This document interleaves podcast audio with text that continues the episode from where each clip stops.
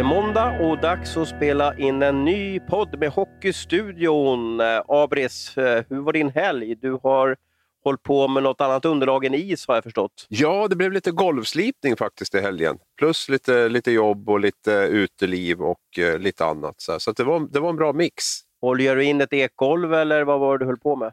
Du, vi slipade ett furugolv och sen har det varit um, såpskurning efter det. Det ska vara ett sånt här gammaldags skurgolv har jag fått höra. Tjusigt, att, Ja, du, är, du är gammal snickare om våra lyssnare inte visste om det. Hur många år jobbar du som snickare? Eh, vad blev det? 15 kanske?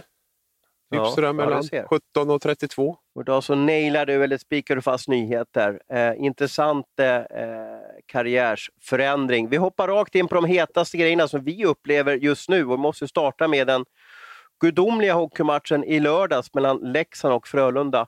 Jag vill påstå att det är en av de bättre hockeymatcherna jag sett sista tiden, i alla fall i grundserien. Håller med. Vad var det som gjorde att matchen blev så bra? Ja, Eller så två, underhållande? Två, två... Är, är, är, bra och underhållande samma sak? Ska vi liksom slå fast det först? Ja, jag tycker det.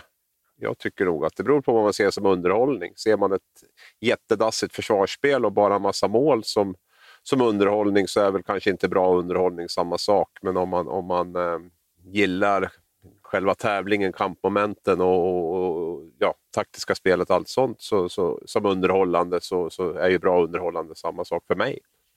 Ja, jag tyckte matchen hade lite, lite allt. Vi har Hellkvists raseri som vi kommer komma in på senare. Vi hade en, en stjärna som blev tacklad av en annan stjärna, eller två av SHLs största profiler var inblandade i en incident på isen. En del kan kalla det för knuff, en del kan kalla det för tackling, en del kan kalla det för interferens. Vi kommer, kommer komma till det senare. Vi hade stolpskott. Vi hade att det var jämnt i, i resultat hela tiden. Det var, det var liksom inget lag som drog ifrån. Jag menar, en 7-1 match blir ju inte så underhållande. Då stänger man av till slut. Eller man, man blir inte engagerad på, på läktaren. Vi hade en, en ett nyförvärv till Leksand eh, Mr Müller som drog på sig tre utvisningar eh, första matchen för, för samma förseelse. Bara en sån sak. Så, att säga. så han måste ju fundera på vad, vilken liga han har kommit till eller, eller vad han håller på med eller, eller vad, vad som händer. Så hade vi en del snygga mål eh, eh och som jag sa, det var rasande spännande på slutet. Eh, jag skulle inte se den här matchen utan jag skulle ha mellokväll eller vad man kallar det för. Dem. Jag, jag, det gick inte, jag kunde inte släppa blicken. Jag bad nästan alla andra som var i rummet, nu får ni vara tysta för det här är, det här är otroligt här som sker. Så att, säga. så att jag fick ta över hela den här mellotillställningen bara för att följa den hockeymatchen. Så att jag, jag samlade väl inte popularitetspoäng i lördags kväll hos mina nära och kära kanske. Nej, jag vet inte om vi ska grotta ner oss i det, men vad är en mellokväll och när startar den? Ja, men det man kollar på Melodifestivalen, det var ja, enkelt. Kanske. Den börjar väl åtta eller något sånt där? Va? Så det var väl, ja, var precis. Men ska, man, ska ju, man ska ju betta innan och gå igenom och, och fundera på och ranka och, och sådär. Så, att, så att det är väl så. Ja, Sen ska du äta ta, tacos och, och jordnötsringar och ja, du vet allting. Ja, ja. ja, då förstår ja, jag. Men jag tyckte den här matchen var helt otrolig. Men den största snackisen var ju, och sen kan vi också fundera på uh, varför blir den här en snackis? Men det var ju alltså då en, en tackling i, ska säga, tror att det var i var det slutet av den första perioden, är det korrekt? Ja, det var däremot mot, ja, i alla fall, ja, precis. Det var slutet eller jag rusade, hem, jag rusade hem från Hovet där så att jag var, var lite, lite efter och, och sådär. Jag var ju på Djurgården-Växjö precis innan och sen så var det bilkörning söderut från Hovet och så vidare så att jag, jag halkade in lite snett i allting. Men det var en incident med eh, eh Patrik Zackrisson Eh, Peter Cehlarik i Leksand som, som höll på med ett anfall. Eh, Joel Lundqvist skulle försvara, jagade. Eh, Zackrisson missförstod en, en switch man trodde det skulle bli. Och eh, igen, här finns det olika beskrivning av vad som sker. Då, om det är interferens, om det är våldsam tackling, om det är ett överfall eller om det är en knuff. Då. Men Joel trycker till Cehlarik i alla fall så att han till slut får lämna eh, isen. Han spelade ett byte efter det här ska, ska vi veta. Eh, och det är också intressant för då kan man kanske av det avgöra hur allvarligt skadad som Cehlarik är.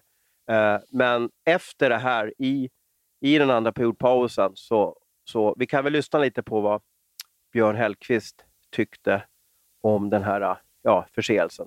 Eh, vad säger du om första perioden, Björn? Jag tycker vi är ute på jävligt tunn is i svensk hockey. Vi godkänner att man tar bort målskyttar stjärnspelare, dyra importer som gör det för jävla bra. Vad tänker du på eh, tacklingen? Jag tycker inte det är okej någonstans att man kör över Peter Cehlarik när han inte har pucken. Han är ute förmodligen länge. Här har du Det är ingen bra skada. Jag behöver inte se den. Jag har sett den så många gånger redan. Skiter i vad den visar. Det är inte okej. Då får det vara öga för öga, tand för tand. Vill vi ha hit Guns och fighters? Inte fan vet jag. Ska vi inte ha hit den typen av hockey, då får vi döma matchstraff på de situationerna. Eh, kan du se någon förklaring till att det blir en växelbyte mellan Zachrisson och Cehlárik och Joel Lundqvist tror att Cehlárik har pucken? Jag skiter i vad han tror. Det är följden jag är ute efter. Det är inte okej. Ja, vad säger du om, om eh, hela den händelsen och Hellkvists utbrott? Ja, vi kan väl dela upp den i två då, så vi tar eh, Hellkvists uttalande och, och, och händelsen efter det. Men, men jag, jag, tycker att det är, jag tycker att det var uppfriskande.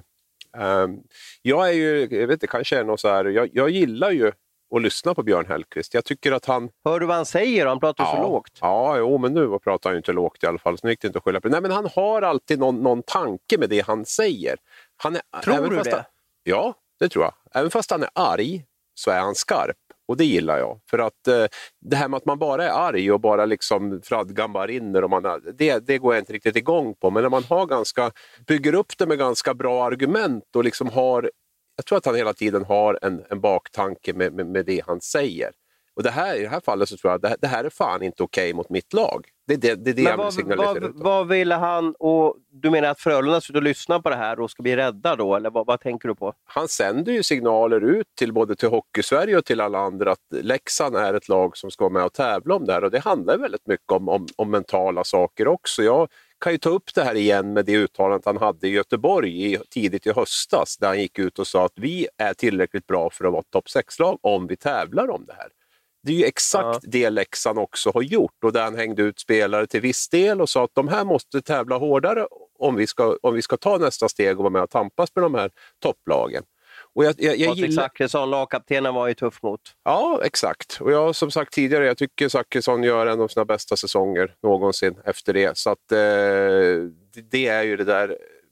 Jag gillar ju att det är det, det, är, det är förhållandevis lite snack och mycket verkstad. Alltså han, han, han, eh, han, eh, Men om man ska sända signaler till laget så ska man väl skicka signalerna till laget, inte ut i media? Nej, men det var viktigt att skicka utåt också. Jag menar, det Leksand har gjort den här säsongen är jag grymt imponerad av. Jag, jag känner ju på allvar att de, det som har varit, alltså Leksand har väl en högre spetskompetens i laget än vad Frölunda har. Det Frölunda är så otroligt bra på är ju det här att varje byte vara där, tävla, vinna små kamper, göra rätt saker i match efter match efter match, även om det svajar även där. Men, men alltså, de senaste åren har man varit bra på det. Och det, det är ju där, klarar Leksand av den biten så har man ju definitivt skicklighetsnivån för att vara med och tävla med de här lagen. Men det är ju det man har varit tveksam till och hur lång tid kommer det att ta? Om vi tittar på de här lagen som Brynäs, Linköping, HV, in med nya tränare. Ehm, man ska bli ett mer hårt jobbande lag, man ska ha struktur. Så det är ju ingen av dem som har lyckats egentligen kan vi väl säga. Ehm, Bert försvann, Ram försvann, Peter Andersson jobbar på här tufft. Ehm, Hellkvist har ju gått in och förändrat en kultur. Han har ju verkligen gjort och det, det, det är imponerande för mig, för det, det är inte så himla lätt och det är inte så lätt att göra det på kort tid heller. Så därför så, så kan, jag, mm, kan jag gilla hans uttalanden, för jag tycker att han bygger upp dem på ett bra sätt. Det är inte bara snack för snackets skull, utan han visar också resultat med det, med, med, med, det, laget, han, med det laget han har. Och, att, eh, och de här signalerna som man sänder hela tiden. För jag känner hela tiden att ju mer jag ser och hör om Leksand så känner jag att ja, men de, de, de vill vara med och jävlas med, med, med, med Rögle och med, med Frölunda och med, med Luleå och de här lagen. Sen, sen får vi se om det, hur långt det räcker redan första året här. Men just den här förändringen i, i attityden där. Att vi är inget lag som man liksom bara kommer upp och, och, och gör lite som man vill med. Nej. Och um, Det är ju bra och jag håller med om att det var uppfriskande med att, att höra det där. Det är ju det som gjorde att hela den här matchen växte också från, från att vara en riktigt rolig och bra hockeymatch till att få andra dimensioner. Jag, jag, jag tror att jag lyssnade på presskonferensen efter matchen och Roger Rönnberg var väl lite han var lite Roger Rönnberg kan man säga och, och delade väl ut en liten känga till media där för att det var enda media pratade om under matchen det var om, om Björn Hellkvists raseriutbrott, varför han var så arg. Han var också inne på, Björn, att nu ska han ta hit eh, en god nästan, fick man känsla av. Att nu ska det bli öga för öga, tand för tand. Ja, ja, men det han säger är ju att vi har ju inte det systemet i svensk hockey och det, det, det köper jag väl det är vi väl överens om att vi inte vill ha, men då är det också viktigt att liksom rättsapparaten fungerar bra. Och det har han ja. ju en poäng i. Sen kan man ju tycka olika om, om tacklingen eller interferencen eller vad man nu ska säga. Det, det, kan man väl göra, men, men det är det jag menar, att det finns ändå ett intressant resonemang i det mesta han, han pratar om, tycker jag. Ja, det är intressant att du, att du, att du ser de signalerna. Han är ju också i ett känslomässigt tillstånd. Han har kommit precis ut från omklädningsrummet. Om, om jag minns det här rätt så var det här inför andra perioden. Eh, han kanske har sett sin, eh, eh, sin bästa målskytt och få behandling och, och, får någon typ av uppfattning att det kan vara färdigspelat för resten av säsongen. Nu tror jag inte att det är det, utan jag hörde Peter uttala sig i en intervju här med, med Mittmedia och då lät det som att det var week to week. Det vill säga att det kanske inte var month to month, utan att ja, ja, det kanske bara var en smäll mot en led som som ömmar, eh, är, är nyckelbenet av, då, ja, då är det ju oftast att eh, Brook Little har varit borta hur länge som helst känns det som. Då, så, då, så att då kan det nog vara att säsongen är över. Jag tror att han är inte känslomässigt tillstånd. Jag, jag, tror inte han hinner tänka så mycket på signaler utåt. Jag tror att han är så uppjagad i kroppen så att han kan inte riktigt vara resonlig, tror jag. Jag, jag, jag köper inte signaltänket fullt ut. Om han gör det så är han sjukt klipst i ett tillfälle där han är upprusad och, och alltså liksom skulle nästan behöva skicka kanske Karlberg till en intervju för han är i ett tillstånd där, där han kan säga lite vad som helst. Och det är inte så bra när man får en tv-kamera och, och hörlurar slängt på sig. Så, så tror jag i alla fall. Men lyckas han vara stringent, ärlig eh, och även ytterst, ytterst smart, så då, då ska han ju bli applåderad. att han lyckas få en så mycket airtime och få ut vad han vill ha sagt om Leksands IF, då är, då är, ja, då är jag den första att gratulera. Det är väl klart att det är väl en kombo. Jag säger inte att allting är exakt uträknat, men han är ju inte bara tokarg på det sättet, utan han har ju faktiskt ett, jag tycker att han har ett ganska vettigt resonemang. Sen kan ju andra tycka att han bara är dum i huvudet, det är mycket möjligt, men man tycker ju olika och så. Men, men det är ju en kombination tycker jag av, av, att han är väldigt arg och frustrerad över att det får gå till på det sättet och samtidigt så tror jag också att det finns en, en, en tanke med vad han, vad han säger. Vi ska titta på... Del, ja, del, del två i den här mm. själva grejen, eller mm. vad vill du säga? Du ja, nej, på... jag ville gå till del två. Jaha, okej. Okay. Ja. Ja, del två, då har vi ju straffet. Då. Det var till slut två minuter för interferens för Joel Lundqvist. Uh, och det här blev en vattendelare såklart. Lördag kväll, en tackling. Vi har två starka varumärken, två starka klubbar som väcker mycket känslor. Uh, vad ska vi i Hockeystudion tycka om själva smällen? Ja, det finns ju ett stort problem med den och det är ju att eh, Cehlarik inte är puckförare och inte ens är i närheten av att vara puckförare. Och jag tycker väl i det här landet har vi fullt upp med att få puckföraren att vara observant på, på tacklingar och en diskussion vi har haft. Att eh, är man puckförare så måste vi försöka få en bättre förståelse för att man är tacklingsbar. Och ska vi, ska vi börja lägga ansvar också på de som inte ens eh, ha pucken och inte ha haft den på väldigt eh, lång tid innan smällen kommer heller. Så, så eh, jag, jag tycker det blir, blir, väldigt svårt i det läget vi är nu. Så att för mig så, så är det svårt att lägga någon, någon skuld på, på, på Cehlárik i det där läget. Och i och med att han inte är puckförare, det är ju en, det är ju en interference. Då, och då kan man ju diskutera om den är vårdslös eller inte. Nu är det väl Petter Tesser om det blir en tvåa, eller, eller Petter Tesser, det är väl viktigt om det är en tvåa eller femma. I min värld så tycker jag att den är vårdslös för att vara en interference. Om inte det där är en vårdslös interference så vet jag inte vad som är en vårdslös interference. För den är ju, Joel Lundqvist menar inget illa med det där. Han kommer ju jättetokigt in i situationen, missbedömer den helt och så. Det är, men det kan ju liksom inte ursäkta för att, för att i mina ögon är det vårdslös in, interference. Sen är det ju jätte... Alltså domaren säger då i en tv-intervju att ja, det, som, det, som är, det som är att han ramlar olyckligt in i sargen. Ja, men han ramlar ju in i sargen på grund av att han blir överkörd med en interference. Så att då, jag tycker att den kan definitivt klassas som vårdslös och att det är en hög skaderisk. Jag skulle tro Kör du den där tio gånger så tror jag nog att du har sju skador på en sån där smäll. För du är ju väldigt sårbar i ett sånt läge när du inte ens är en, en meter från sargen, inte i närheten av, av pucken. Så att, eh, ja, nej, det är min, min uppfattning, men det finns ju många som, som tycker annorlunda. Om han inte har blivit skadad, Peter, hade det blivit liv om den där smällen då? Nej, men det är väl alltid, är väl alltid så att det blir mer uppmärksammat när det blir, när det blir en skada. Sen är ju uppmärksamheten är en sak, sen är man ju alltid en bedömning av situationen. Jag har ju själv varit väldigt för att man ska, eller tycker att det ska, det är ju handlingen som ska bedömas, inte konsekvensen. Och, och, det är fortfarande så det ska vara. Däremot så blir situationen mer uppmärksammad i och med att det blir en skada. Man tittar lite extra noga på den och så vidare. Men det är ju två olika, två olika saker tycker jag. Och där är väl ehm, där är jag inte överens med, med, med domaren när de säger att den inte är, är vårdslös. För att jag, jag tycker, tycker absolut inte den är våldsam, det är den ju inte. Men däremot så är den ju vårdslös i ett sånt läge när man missbedömer den så. Det blir alltid diskussioner om tacklingar och, och som sagt finns det två eller tre eller fyra eller fem läger. Jag vet att de kollade på den här händelsen i situationsrummet efteråt och, och kom fram till att den inte eh, ska gå vidare. Jag tror att det blir sånt liv om det hela för att det är Joel är ju en grym tacklare. Jag kommer ihåg att vi hade någon podd i höstas när, när jag kom från en match från Hovet, det måste ju vara Djurgården-Frölunda givetvis som spelade, och eh, jag tror att Joel fullföljde en tackling på Högström, så att det, alltså, alltså det small så mycket i kortsargen så att nu var det inte 7000 på matchen, utan det var snarare kanske 17 personer, men alla 17 personerna tappade andan för att, för att det var sån kraft i den här tacklingen. Och det är det som blir problemet här, att Joel är en så skicklig tacklare och ganska låg tyngdpunkt. Han är som en fyrkant, så att smällen han delar ut mot Selleck. Jag vill inte säga att den träffar huvudet, jag tycker den träffar kroppen. Men det kommer med en sån kraft. För det blir ju att Selleck åker från ena hållet och han från andra hållet. Uh, och med det vill jag ju säga att vi ska ju inte liksom döma riktigt för vad verkan är längre då. Uh, jag, jag, tycker att det är en vanlig interferens, jag kan inte, jag kan inte komma längre. Hade han träffat huvudet där, då är det en huvudtackling. Då är, det ju, då är det ju en avstängning, men jag tycker inte han gör det. Och vårdslös, ja.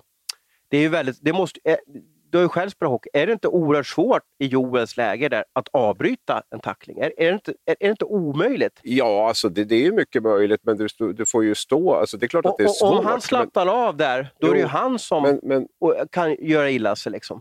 Jo, men du bör ju vara rätt säker på att du tacklar en puckförare ändå. Liksom. Du, du, kan ju ja. inte chansa. Vi kan ju inte, vi kan ju inte ha ett system där vi, där vi, där vi släpper alla där de tror att någon hade pucken. Nej, men han fick ju ändå två minuter för interferens. Ja, jo, absolut. Och jag säger att det, det, är ju, det är lite no, alltså det är ju kanske petitesser vi pratar om, om det ska vara en två eller en femma. Och det kan vi väl landa i det. Sen är det viktigt också att man...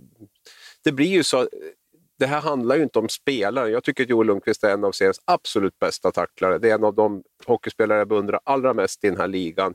Jag har inget emot Frölunda som ett hockeylag. Jag har inga sympatier för Leksand som ett hockeylag med den andra. Men det blir så otroligt... Alltså man måste ju försöka lägga bort de där sakerna i det här. Det är det som är svårt om man själv sitter och resonerar utifrån neutral vinkel och sen har man supportrar från båda håll som, som, eh, som, som, som naturligtvis är färgade av sina lag. Då. Så att det därför blir ju oftast de här diskussionerna eh, rätt fruktlösa. Eh, tyvärr. Och kan man lägga bort det där och bara se situationen, hur man upplever den, så blir det, blir det lättare. Det som har skett sista tiden, jag vill inte säga att det är en corona-kaos över svensk hockey. Jag tycker att vi ser att det öser in spelare och vi får också väldigt många klubbar som byter spelare, eller man kanske inte byter spelare, man värvar spelare från konkurrenter. Jag tänker på Palve, Illumäki, Stoa, Anton Karlsson. Jag kanske då har glömt bort någon. Är inte det här ganska friskt och häftigt att vi ser det i svensk hockey? Nu är det inte trader som vi har i Nordamerika, för där, är det ju, där ska det antingen gå pengar eller spelare åt, åt båda hållen. Här blir det ju en ren värvning, men jag tycker att det är häftigt att se, för att det vi har fått en effekt av, i alla fall hittills, det är väl att vi har sett många spelare som har studsat upp i den nya klubben och fått andas ny morgonluft. Ja, det är väl sunt ur ett ekonomiskt perspektiv i alla fall, att man byter spelare inom ligan, för då blir det väl ändå att pengarna stannar kvar i, i ligan med tanke på att vi befinner oss i en ganska tuff pandemi och en ganska ännu tuffare ekonomisk situation. Så att eh, det, det, är väl bra eh, att, man, att man gör så. Då. Sen har det väl kommit in spelare även utifrån också som man kan ha synpunkter på, då, men, men att man i alla fall byter inom ligan känns ju som att eh, kapitalförstöringen blir som allra minst då i alla fall. Ja, Palve gick ju från Linköping eh, till Brynäs. Han har gjort fyra poäng på nio matcher. Du har ju bra koll på Brynäs. Varför lyckas han hyfsat i Brynäs nu, men inte alls i Linköping? Jag vet inte, har det gått så bra i Brynäs då? Jag är inte, jag är inte superimponerad. Jag ser bara fy, fyra poäng på nio matcher, säger jag i alla fall. Förstörde jag din tes nu eller? Nej, absolut inte. Man måste vara oliktänkande ja. eller olika Nej, men jag, jag, ja. Eller är han för trög? Liksom? Är han för långsam och, och sävlig i tankar och, och ben? Liksom? Jag tycker att han är lite, lite lätt om jag ska vara ärlig. Han, är väldigt, liksom, han har ju bra känsla i händerna. Han kan ju lägga en flippmacka och han kan ju ja, göra ett backhandmål som han gjorde senast nu mot Malmö och sådär. Men, men i övrigt tycker jag att det blir mycket utsida på honom faktiskt. Eh, sen är det möjligt, jag vet inte om Brynäs jobba med honom under en period, att det kan bli, kan bli bättre. Eh, jag tycker väl att det har sett lite samma, samma problematik egentligen som det var i Linköping. Att det blir, det blir mycket, mycket utsida och lite för, för klen för att liksom ta sig in i det där området som, som, som krävs. Förlora lite mycket närkamper tycker jag också. Nu hade de ju satt ihop någon ny kedja med Harper, DeShane och Palme där som gick väldigt bra. De gjorde alla tre målen och så. Så det kanske är en omgivning som man trivs i också. Då. Men, men eh, ja, jag tror man förväntar sig lite mer faktiskt där. Då har vi Iljomäki då. Kan du köpa den då? Två ja. mål på två matcher för HV71. Ja, Iljomäki är ju en, alltså, det är ju en jätteskicklig spelare. Jag tycker det var Vad hände i Luleå då, om vi börjar där? Ja, men det var väl... Eh, det är ju ingen Thomas Berglund spelare riktigt på det sättet. Dels var man väl oense om vilken position han skulle spela på. Illomäki själv ville spela center och han användes mycket som ytterforward där.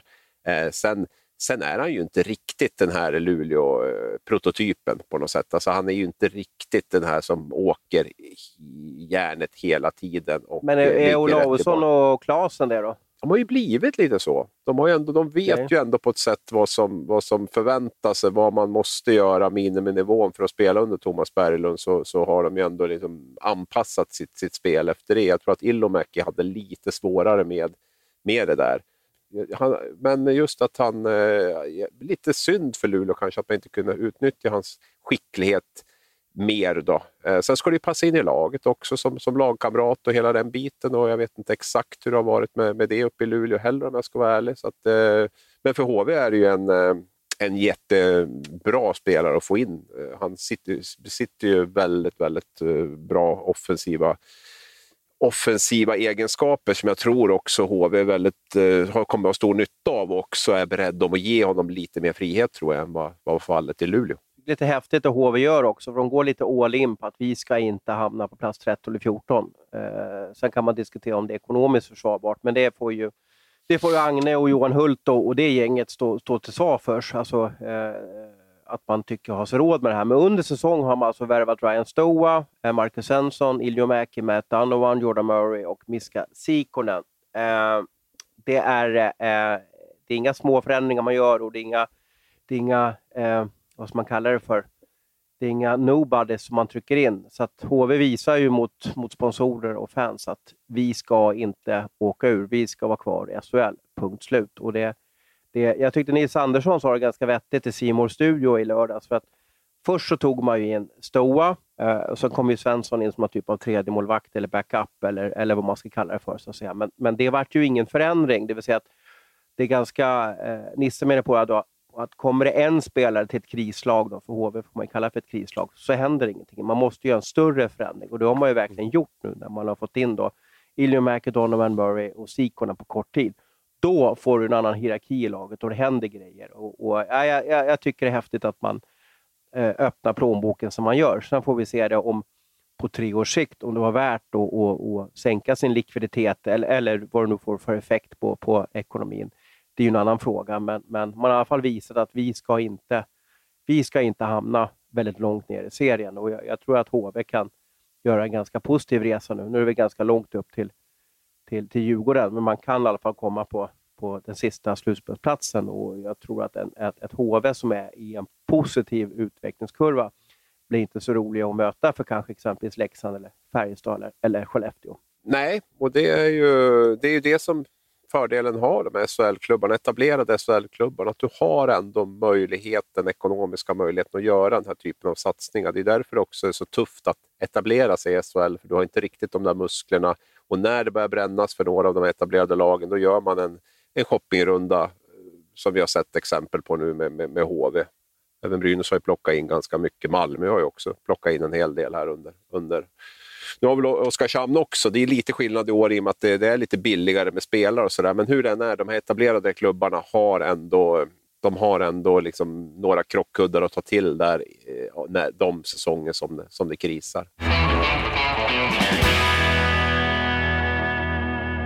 Och Det här gör att vi väldigt, på ett väldigt enkelt sätt kommer in på bottenstriden och vi måste lite analysera på den. Eller, eller ska vi till och med säga njuta av den? Kan vi säga så? Ja, vi har väl kanske den lyxen att vi kan njuta, för det är klart att det är, det är kittlande. Jag har väl varit för att man kanske inte skulle hamna i den här situationen med, med att eh, under de här förutsättningarna att ett lag ska, ska åka ur. Då. Men, men nu är vi ju där och det är klart att det, det, är ju, det är ju väldigt kittlande på samma sätt som jag tycker toppstriden också är intressant, måste jag säga, så är ju bottenstriden något hästväg, måste vi säga. Vad, eh, vad har du för känsla? Vilka ligger mest pyrt till? Ja, jag tänkte jag skulle dra tabellen och nu är det lite beroende på när ni lyssnar på det här. Och vi bandar ju här på måndag förmiddagen. Just då, nu är det ju landslagsuppehåll, så det brukar ju vara walk in the park att kunna berätta hur en tabell ser ut. Men den här eh, landslagsuppehållet är lite annorlunda på grund av pandemin, så att man kommer att spela matcher under den. Då. Men vi har HV71 på 43 poäng, Oskarshamn 43 poäng, Linköping 43 poäng och sen har vi Malmö och Brynäs på 41 poäng. Nu återger jag inte antal spelade matcher, för det skiljer sig lite och Malmö har en uppsida där, för de har spelat lite färre matcher. Eh, jag vill likna den här bottenstriden med den som vi såg, jag tror det var den som vi såg 2011.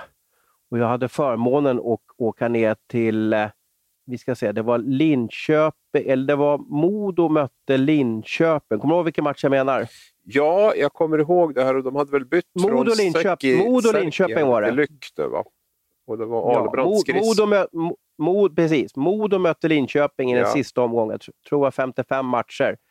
Och Det var så att eh, Linköping och Djurgården tävlade om att slippa eh, eh och, och kvala eh, och, och tävlade om den sista tiondeplatsen. Och Jag tror till och med att den tiondeplatsen gav, gjorde att man Eh, man kanske inte gick till slutspel som det var då, tio lag. Då. Men det var en väldigt extremt viktig match då för, för Linköping och Djurgården och Modo mötte ju då eh, Linköping. Och det, det, här slutade med eh, att eh, eh Per Albrandt då gör 4-4 70 sekunder före slutet. Och den poängen, då, precis som du säger, den där skridskon, gjorde att, att Linköping kom på plats 10. Och Djurgården då, som torskade sin match, jag tror de torskade med 2-1 någon bortamatch, jag vet inte exakt hur, hur, det var på slutet där, gjorde att de hamnade i en kvalserie. Och vad, hamnade, vad hände i den kvalserien sen? Kommer du ihåg det? Brr, det var 2012 det här i alla fall, ska vi säga, så inte okay, vi får massa 2012, arga ja. tittare. Men det stämmer bra att eh, Djurgården förlorade med 2-1 borta mot HV och att uh, Modo var ja. mot 5-4 mot Linköping. där. Um,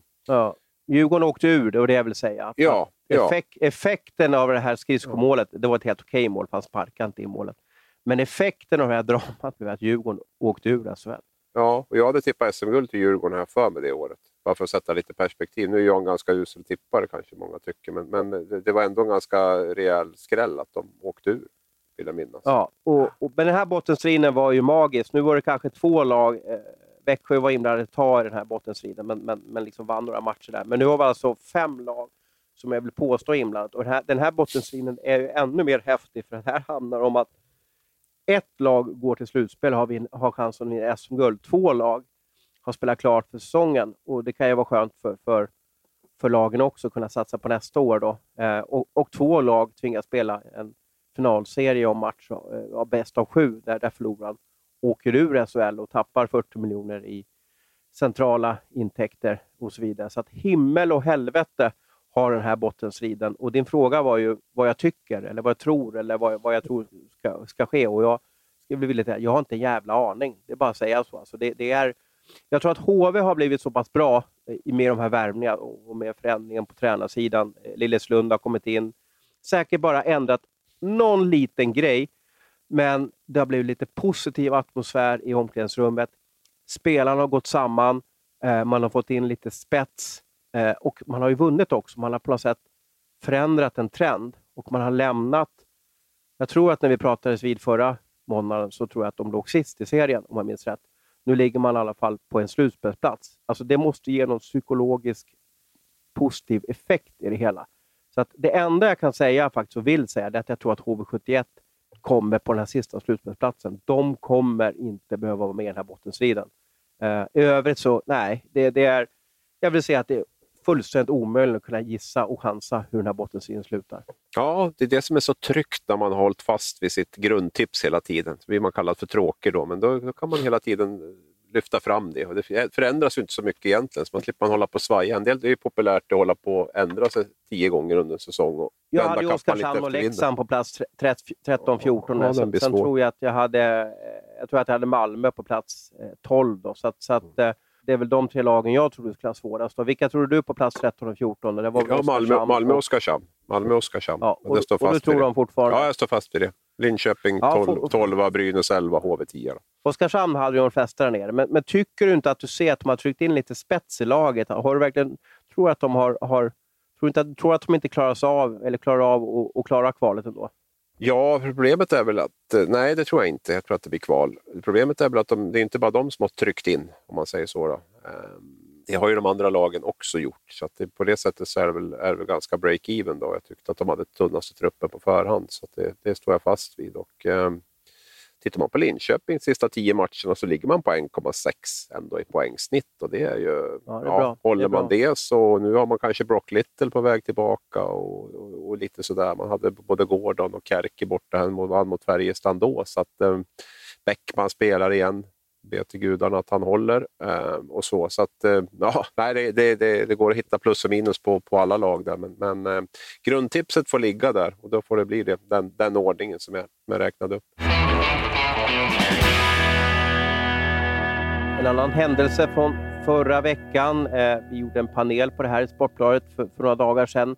Eh, men den väckte oerhört stort intresse på, på sociala medier, som många sådana saker gör man diskuterar inte så ofta på Facebook eller på Twitter en, en snygg dragning i anfallszon och så vidare, utan det blir lite saker som, som, eh, som sticker ut. Det var Leon Bristedt som eh, hamnade i en, jag vill kalla det för en situation med eh, en HV71-spelare. Visst var det korrekt? va? Ja, Linus Fröberg var det tror jag. Ja, exakt. exakt. Sonen till eh, Oskarshamn genom manager, Thomas Fröberg för övrigt. Eh, ja, kan inte du ta oss igenom situationen? Hur, hur, eh, hur ska man beskriva den på ett neutralt sätt? Det var väl ett tre mot tre har jag för mig. Och det var väl, han skulle väl föra upp pucken Bristedt. Och, och, I mittzon kan man ja, kalla det för. I mittzonen då kom han upp och, och, och där så hakar han ju i, eller tar ju i Fröbergs skridsko, det jag ser i alla fall. Eh, benskridsko där och, och eh, flyger framåt. Ja, ja. och eh, en av domarna lyfte, huvuddomarna lyfte sin eh, arm. Man ser tydligt den här röda banderollen runt biceps och, och det var dags att dela ut en utvisning på Fröberg. Eh, men då sker någonting som vi väldigt sällan ser i svensk hockey, att eh, Bristedt gjorde en typ av Mats Wilander. Det var nämligen så att Mats Wilander, när han vann sin första öppna franska back in the days, någon gång i början av 80-talet, Eh, fick en, eh, en, en, jag tror det var en, en serv som domaren dömde ut, men han sa att den, nej, men den här var inne. Och sen så, så, så gjorde man om domslutet och det här vart Mats Wilander väldigt hyllad för under hela sin karriär som sport. Väldigt, hade väldigt hög sportmanship. Eh, och nu blev Leon Bristedt för det här att han har väldigt hög eh, eh sportmanship och väldigt, väldigt bra på isen och så vidare. Men, men kan man inte se det här från väldigt många olika håll? Jo, och jag tycker väl att man ska vara försiktig med att eh, dra liknelser kanske med Villander på något sätt. Jag ska inte förakta omgång 40 i SHL, men, men att göra det i en final i Franska öppna mästerskapen i ett avgörande läge kanske, eller om det var semifinal, eh, är ju lite, lite annorlunda. Va? Så att, nej, jag, jag, jag förstod aldrig hysterin riktigt runt det där. Jag tyckte att det blev jätte, jättekonstigt. Och jag tycker och också bakgrunden är ju, om, om, jag, om jag ska liksom hjälpa lyssnarna in på det hela, så är att Leon Bristedt är dömd, dömd två gånger för eh, att ha förstärkt på iset, eller vi kan kalla det för, för filmning. Den ena gången påstås vara lite felaktigt eh, och så vidare, men i alla fall, han har i alla fall två botar för filmning och eh, många tror ju att han gör det här, Leon, för att inte åka dit för en tredje gång för filmning. Ja, först ska vi väl vara jättenoga med att säga att han den första överklagade till RF och blev friad faktiskt från, från den, den påstådda ja, han filmningen. Blev dömd av disciplin, han blev dömd två gånger av disciplinnämnden för filmning i alla fall. Det stämmer bra, men blev friad ja. i efterhand på den första. Så det, det, då kan man väl ifrågasätta vem, vem som gjorde fel där. Men han blev dömd också för ett år sedan ungefär, va? Med, med en situation med Eddie Larsson. Så det, det, är väl den han har blivit fälld för på, och behövt betala för i alla fall. Den andra upphävdes ju. Um, ja, nej, men det, jag, jag, jag tycker väl inte att det är... Jag tycker väl i grund och botten att det ska vara en utvisning. Jag har väl sett betydligt mindre förseelser som, som det inte har blivit utvisning på. Det är ju ändå att han, han får ju Fröbergs eh, skridsko eh, som gör ju att han stupar. Sen eh, flyger han ovanligt långt. Ja, det kan man väl, det kan man väl tycka. Varför Sen, tror du Bristedt äh, åker fram till domaren och säger att det där var ingenting? Jag, därför jag, jag är helt övertygad om att han är sjukt eh, less och sårad över den här filmningsdebatten som, som har rasat runt honom. Han kände att jag orkar inte med en sån här, eh, en sån här eh, analys av, av mitt, mitt fall igen. Liksom, utan eh, vi, vi, tar bort det här och låtsas som att ingenting hade hänt. Eh, så, så tror jag Det var hemskt att behöva känna så. faktiskt. Ja, men alltså filmning är ju minerad mark alla big time. Då har jag fått lära mig den hårda vägen i, i januari. Alltså det, det, det, man kan inte förstå vilka känslor det sätter i, i, i, rullning när, när någon beskylls för filmning eller när en klubb beskylls för filmning eh, fast det inte ens är menat alltså, kan man, man kan ju inte våga och nästan ha närkontakt på isen då. Nej, och sen tycker jag också att det finns en annan finns en till aspekt i det. Jag menar, får du liksom ett stopp mot fotled, mot ett knä eller kanske mot ett lår så är det ju oftast bättre att, att släppa efter och, och, och liksom bara följa med än att liksom streta emot i den, i den närkampen. För det kan ju göra att du skadar dig mer också. Det kan ju också vara en reflex av att man att man inte vill eh, liksom trasa sönder ett knä eller, eller eh, en fotled utan att man, man, man, bara ger upp och bara, bara flyger iväg. Liksom. Så det, finns väl, det finns väl olika varianter i det där. Men eh, jag tycker att det blir bättre om spelarna spelar och domarna dömer faktiskt, än att vi ska åka och hålla på med det här. Framförallt nu när jag kände att det blev ju... Ja, jag, jag tycker att det är en, mycket väl kan vara en tripping. Vad tycker du Thomas? Berätta. Vad jag tycker? Tack för den frågan. Eh, jag tycker inte att det är en tripping. Jag, jag, jag tycker att... Eh, jag vill inte säga att han förstärker det hela, men jag, jag tycker att det, det, han, han, borde inte ramla i det här läget. Han, han borde vara så van skridskoåkare så att han borde kunna hålla sig på, på benen. Eh, sen, sen så lider jag med honom om han tycker att det är så oerhört jobbigt med den här debatten, att han måste åka och ta bort den här utvisningen. För att det blir fel på isen.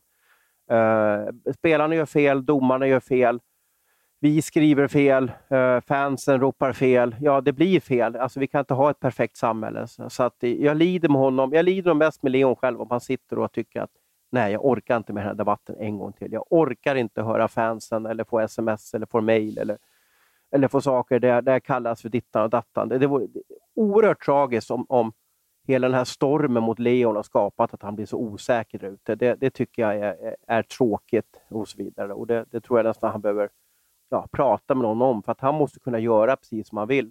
Eh, sen kanske han ska tänka på lite att, att ja, att, jag vill inte säga att han förstärker, men att liksom försöka stå upp så långt som möjligt på isen. Jag tror att det, det skulle hjälpa honom eh, längre fram i karriären.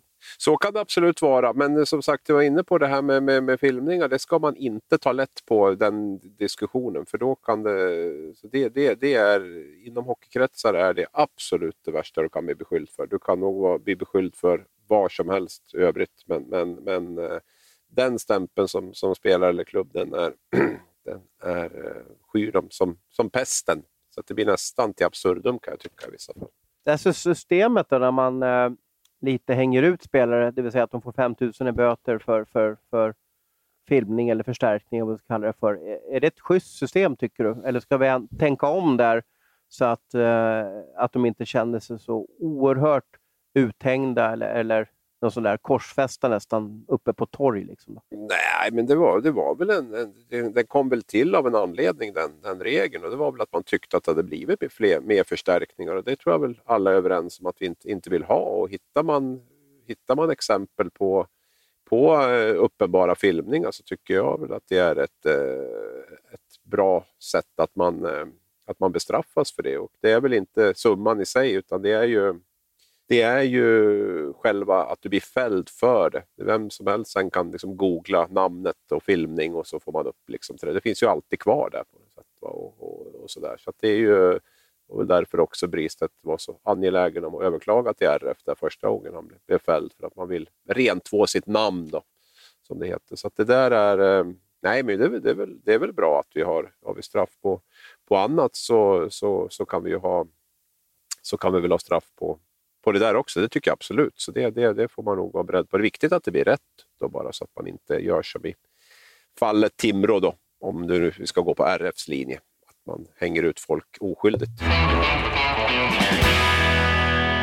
Vi rusar vidare i vårt manus och vi fastnade vid en sak som skedde här i slutet av förra veckan, i alla fall mitt under förra veckan. Det blev en diskussion om en värvning. Det var schweizaren Müller som valde att lämna eh, New Jersey Devils organisation. Eh, han har även spelat för San Jose tidigare. En så kallad supertalang från Schweiz. Du har säkert sett honom om JVM.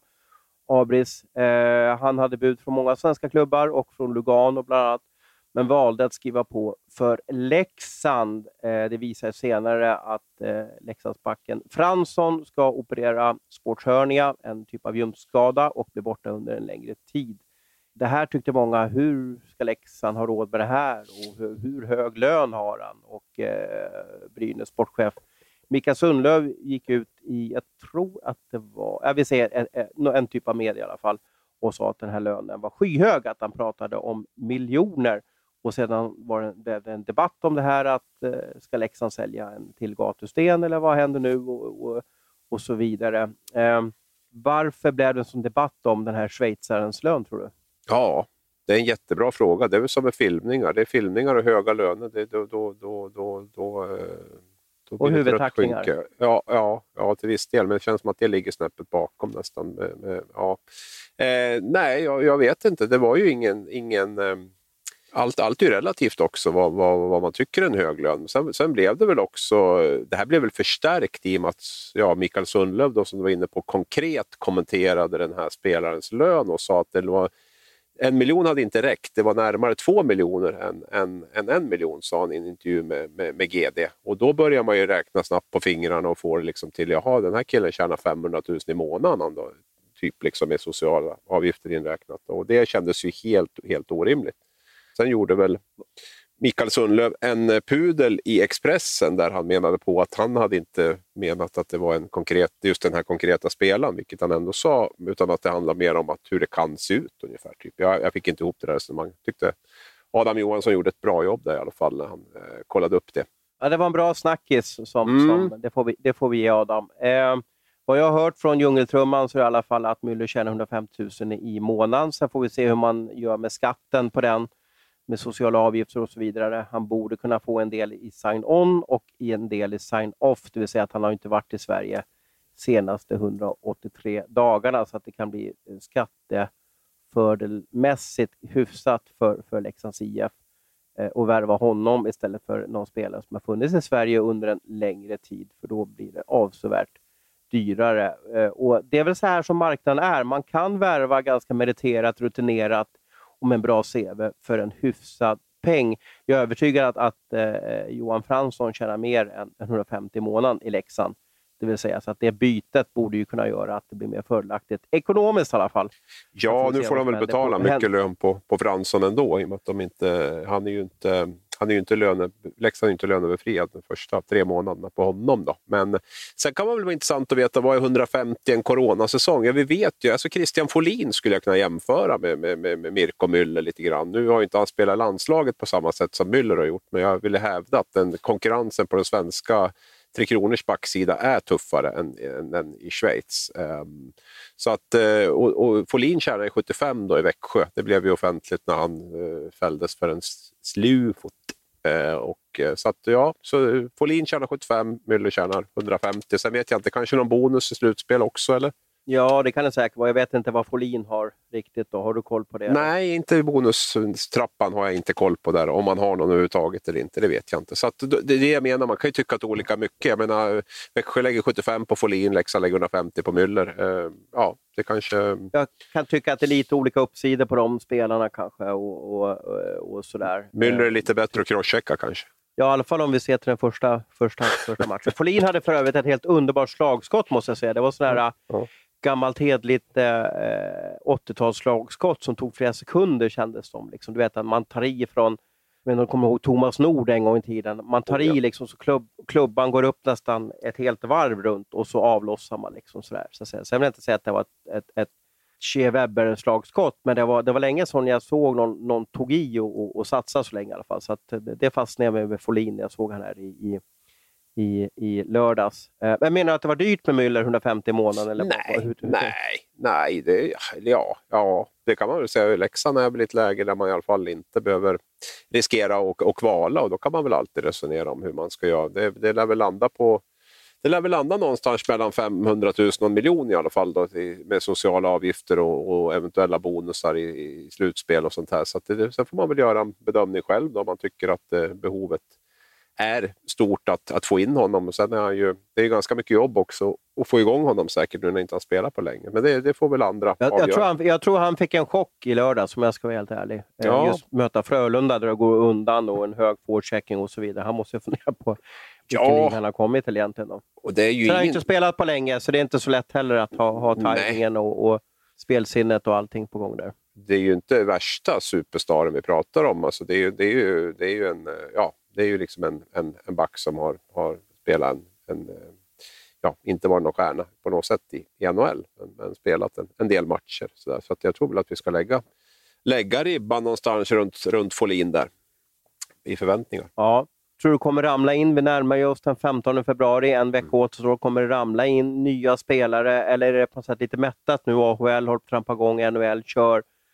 Alltså att, och några kanske spelar struntar den här säsongen, man håller inte igång och, och sådär. Eller kan det ösa in rabattspelare eh, med röd prislapp kommande veckan? Jag tror att vi kommer få se en, hel, en, del, en del eh, spelare komma in. Kanske den värsta hysterin har varit här med, med, med tanke på att bottenlagen har fyllt på ganska mycket. Men, men några, någon spelare till, till, till flera lag kommer vi definitivt att, att få se, det, det tror jag. Eh, även men du tror inte att folk i klubbarna är rädda för Lex Stoa eller eh, Lex Müller för den delen, tre ut, eller sex utvisningsminuter, såg bara sådär ut första matchen. Alltså att det, det, är ju en lång startsträcka för de här killarna. Ja, jo, absolut. Och där får man göra sin scouting och, och sin research. Och jag menar, det är olika på spelare och spelare. Sån som Matt Donovan har väl kommit in och gjort det eh, väldigt, väldigt bra i, i HV tycker jag. Och han har ju inte heller varit, varit igång. Så att, jag menar, det gäller väl att och hitta. Brett Rakhshani har väl gjort det förhållandevis okej okay, eller bra i Djurgården skulle jag vilja påstå. Liksom. Så det gäller väl att hitta de här spelarna som kanske dels är hyfsat lättränade, lätt i kroppen och, och, och sen också är väldigt seriösa och håller igång på sitt sätt. För det är klart att startsträckan blir ju, blir ju kortare om du, om, du, om du tränar regelbundet än om du hyr ut båtar i Florida. Så är det ju och, och inte tränar så mycket. Då, så det, gäller ju, det gäller ju som vanligt att göra en bra scouting, bra research av, av sportcheferna. Så, men det ska alltid finnas en oro för att man eh, plockar in spelare som inte är i form eller tillräckligt bra eller tillräckligt hungriga. Så att, det gör det nog i år också. Ja, vi får se vad som händer. Eh, vi börjar närma oss bara 50 minuter och vårt manus börjar ta slut. Här. Finns det något mer vi kan diskutera, eller analysera eller bråka om sista minuterna här. Vi pratade väldigt lite om, om själva matchen där i lördags. Jag tyckte att det var en häftig match. Det kändes som att vi direkt led in på, på Hellkvists uttalande där och det kan vi liksom föra oss in på. Men vad var det som gjorde att det blev en häftig match då? Vad, vad, ja, vad tror det... du? Vad var, ja. vad var det som gjorde att jag blev osams med, med halva släkten här? Att du inte kunde hoppa in på tacokvällen, där, eller mellokvällen där. Uh, ja, nej, men det, det, är ju den här kampen tycker jag som, som, som Leksand har, har var liksom närmat sig. Var det inte farten? Jo, men farten, att, att intensiteten. Att det skövlade fram och tillbaka ja. det här och, det, och det var liksom det vart aldrig någon tråkhockey. Ja, det var, jag fick se fysisk hockey också. Alltså, det är inte, så man, inte den här matchen, ska vi inte trycka ut den ut överallt? Så här vill vi se hockeymatcher framöver. Jo, jo gärna och så, för min Och del. så skickar vi Thomas Berglund till, till eh, Schweiz och får något tränarjobb där och så tar vi in någon som vill spela sån här hockey. Ja, men Luleå kan väl spela med intensitet också? Jag, tycker, att det, ja, jag tycker inte det händer så mycket i deras matcher. Jag tycker att det är få tacklingar och det liksom blir inte många målchanser. Jag pratade med en målvaktstränare som sa att det är alltid så trevligt att tagga eh, Luleås matcher, för det är cirka fem taggar per match. Sen händer det inte så mycket mer. Nej, men de ligger, de ligger högt i tabellen. Sen har de väl haft lite... Ja, det, jo, de, är, de, de, är tunn, de, är tunn på, de är tunn på forwardsidan. Nu har jag varit inne på tidigare i podden. Manuelsson borta, Olausson borta. Eh, man skickar Ilomäki. Olausson var tillbaka nu senast. Men, men alltså, man ska behöva in ytterligare en spelare och få tillbaka de här för att det ska bli lite mer svung i, i offensiven. Men eh, nu kanske vi inte ska halka in för mycket på Luleå. Nej, men det, det jag tycker är, är bra med den här matchen, Frölunda är väl de är väl bäst i, i ligan på, på något sätt att liksom hela tiden ha den här tävlingen som jag var inne på. Och när Leksand också ligger på den nivån och närmar sig den nivån mer kontinuerligt, tycker jag inte bara att man liksom tänder till för att Frölunda kommer på besök. Jag tycker man, man är inte där hela tiden, det är man inte i under serien. Här man haft lite. Men, men alltså, man börjar närma sig den där nivån när man verkligen kan tävla med de här lagen. Och då, då är det ju de här sakerna som vi pratar om. Det är ju den här farten, den här intensiteten, det är det fysiska spelet, de här små, små kamperna inte göra de här små individuella misstagen och, och, och så vidare. Och då, då blir det en, då blir det en väldigt, väldigt intressant match. Sen tycker jag den steg. Jag tyckte att den blev bättre efter, efter pausintervjun faktiskt. Jag tyckte första perioden var bra, men det var sen det, sen det jag lyfte. Jag missade ju 70 procent av den, för att jag då var på väg hem från Hovet, så att jag hade ingen... Ja jag hade inte möjlighet att se den. Då. Sen är det ju otroligt med Juvonen tycker jag. Alltså det, jag, jag, jag, jag, kan, jag, kan, jag kan lägga mig platt och säga att jag hade inga höga tankar om den här målvakten. Jag hade inte det och framförallt inte att han skulle ha stått, liksom, vad är stått 38 matcher eller någonting nu och, och, och gjort det bra i 30 åtminstone av dem. Liksom. Så just att han är bra match efter match efter match. Det, det tycker jag är... Eh, jag vet inte vad de har gjort med honom. Det, det är ju Löfven och, och han juniormålvaktstränaren som jag tappar namnet på nu. Man får ju bara... Jag såg inte det i honom som målvakt. Inte för en sekund. Jag tror han trivs och står väldigt mycket också. Att han ja. har inga problem med det. Uh, han, han, fixar det rent fysiskt och mentalt och, och, och, så vidare. Han är ju inte den här, vad ska vi kalla för, han är absolut inte en Henrik Lundqvist i intervjuer eller när han möter sponsorer eller, eller i gruppen och sådär. Utan jag tror att han håller för sig själv, sitta i campingstugan där ute på Leksands resort och, och, och ta det lugnt och sen när det är match blir det här monstret längst bak. Eh, eh, jag håller också med dig om att eh, jag vet om att när Mora värvade honom för många år sedan så fick ju både du och jag signaler från, från Finland att det går inte att vinna någonting med Janne. När det är viktiga matcher så viker han ner sig. Sen kan vi diskutera om match 37, 38 eller vad det nu är i grundserien, i en viktig match. Uh, han har ju fortfarande inte sett till att han, eh, ja, Mora åkte ur med honom. I fjol så behövde Leksand inte spela något kvalspel. Uh, han har inte vunnit slutspelsmatch ännu i, i, Sverige och så vidare. Vi får se när nästa prövning kommer. Men han är en stor anledning till att Leksand exempelvis inte behöver vara orolig för att komma på plats 13 eller 14 den här säsongen. Sen kanske man måste göra någon lösning där, för jag vet inte hur länge han ska orka stå så här. Man måste ju ändå ha, ha målvakt som man kan, man kan avlasta på. Eh, och det känns ju som att Ja, jag har ju vänt på stenar där och de säger mm. att de har en lösning. Och sen mm. så på en träning, om jag har förstått rätt, så stod Daniel Gunnarsson i mål, backen. Ah, det är så de har tänkt lösa det.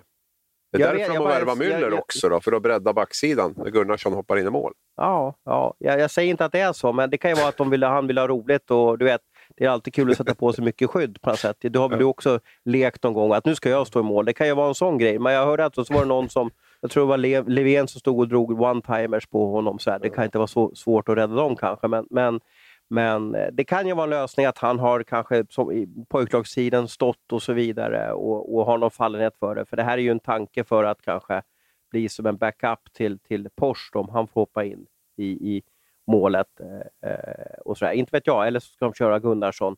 Det vore ju helt otroligt. Men har du varit med om att en utespelare ställer sig i mål? Förutom om vi pratar uthåll så händer ju säkert det. Men har du varit, varit, varit med om på riktigt stor nivå att en spelare bara, is, bara, bara ismaskinsförare faktiskt. Ja, just det. Mm. Du tänker på NHL där? Eller? Ja, jag tänker på NHL där. Chicago det, ja. ja. men det har säkert hänt. Vi kommer ju bli uppätna nu för då kommer de att slänga exempel på oss när det har hänt med ja. spelare. Jo, men det skulle jag säga att jag har varit med om. Så, så är jag nog safe faktiskt. Ja. Så ska jag ta och googla upp Och du säger samma sak. Jag har också varit med om det. Säkert. Ja, det har säkert hänt någon gång i alla fall. Ja. Nej, men du kan ha ett skop på gång där med Gunnarsson i mål. Vi kanske ska... Ja, men det har stått, eh, det har, jag har läst någonstans, jag har lyssnat någonstans, att vi inte är först med det som vanligt. Vi är gamla gubbar här, vi är aldrig först längre. Aj, aj. Du, Skellefteå då, 11 raka?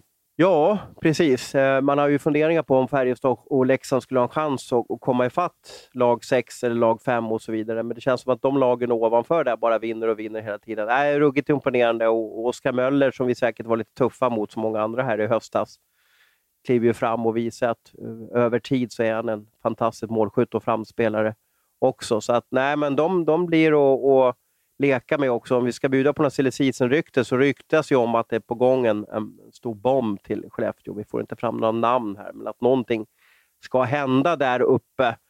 Eh, och om de får in ännu mer spets så undrar man ju hur farliga kan inte de bli i ett slutspel? Ehm, hur långt tror du de kan gå? Semifinal.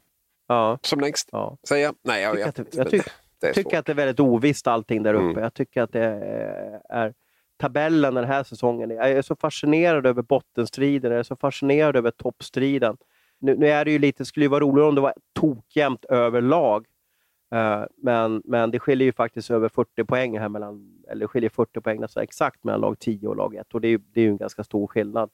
Men, men jag vet inte om, om när vi ändå har gått 40 matcher, en del spelar 42, en del spelar 35 när vi, när vi poddar, om vi varit med om att det är så många lag som liksom är inom få poäng inom topp 5 och så många lag som är inom ja, samma poängradie, om man kallar för det, på plats 10 till 14. Det, det, det är så fascinerande, för det är ju det här som är essensen i det vi håller på med. Det, det är tabellen på något sätt som alla människor utgår från. Resultatbörsen på, på si, näst sista sidan, i Sportbladet, det är på något sätt det viktigaste i det hela. Den här spänningen, eh, eh, rädslan och, och speciella känslor när man vinner och kanske slipper ett kval eller när man tar den sista slutspels, slutspelsplatsen. Sen vet inte jag hur det här strecket mellan lag 6 och 7, hur hett det är egentligen. Men när, när vi har en levande tabell som fascinerar och, och kolla på Sportbladets live-tabell under en omgång. Tänk om det här lever kvar fram till omgång 52 Eh, här om några veckor. Ah, vad häftigt det vore. Då, då måste vi vara ute på arenorna också. Eller ska vi kolla framför TV också och fortsätta med det och, och, och, och se, eh, följa spänningen därifrån? Vore det inte häftigt att få vara på plats och se två lag som kanske jublar också? Det kan ju vara en sån match. Man får välja en sån match där båda lagen blir vinnare. Vi ser att HV tar sitt slutspel. Malmö eh, kanske räddar sig kvar i sista omgången och så får vi se två lag stå och jubla på isen. Det vore väl vackert? Ja, absolut. Vi är väl ute på arenorna lite grann i alla fall, minst. Även om vi försöker resa säkert och, och, och sköta oss i övrigt så är vi ju faktiskt och, och ser en del livehockey. I alla fall är jag ute och ser lite grann. Men det, det, vore väl, det blir säkert ännu mer mot, mot slutet här. Och, eh, intressant också att se om Djurgården dras in i den här bottenstriden, eller hur det blir. Ja, Djurgården blir också ett lag som vi ska hålla koll på kommande tiden. Det är eh, Beijer Hockey Games eh, eh den här veckan i Malmö, har den flyttat. Jag är inte på plats, du är inte heller på plats va? Eller hur? Va? Alltså, Inte det vad jag blir vet. inget... Nej, inte Nej, jag vet. nej. Nej. Jag pratade lite med Garpen och Linus Hugosson förra veckan, eller hade sms-kontakt med dem och de sa att det blir eh, ingen närkontakt med spelarna. De går in i en bubbla, eh, Tre Kronor.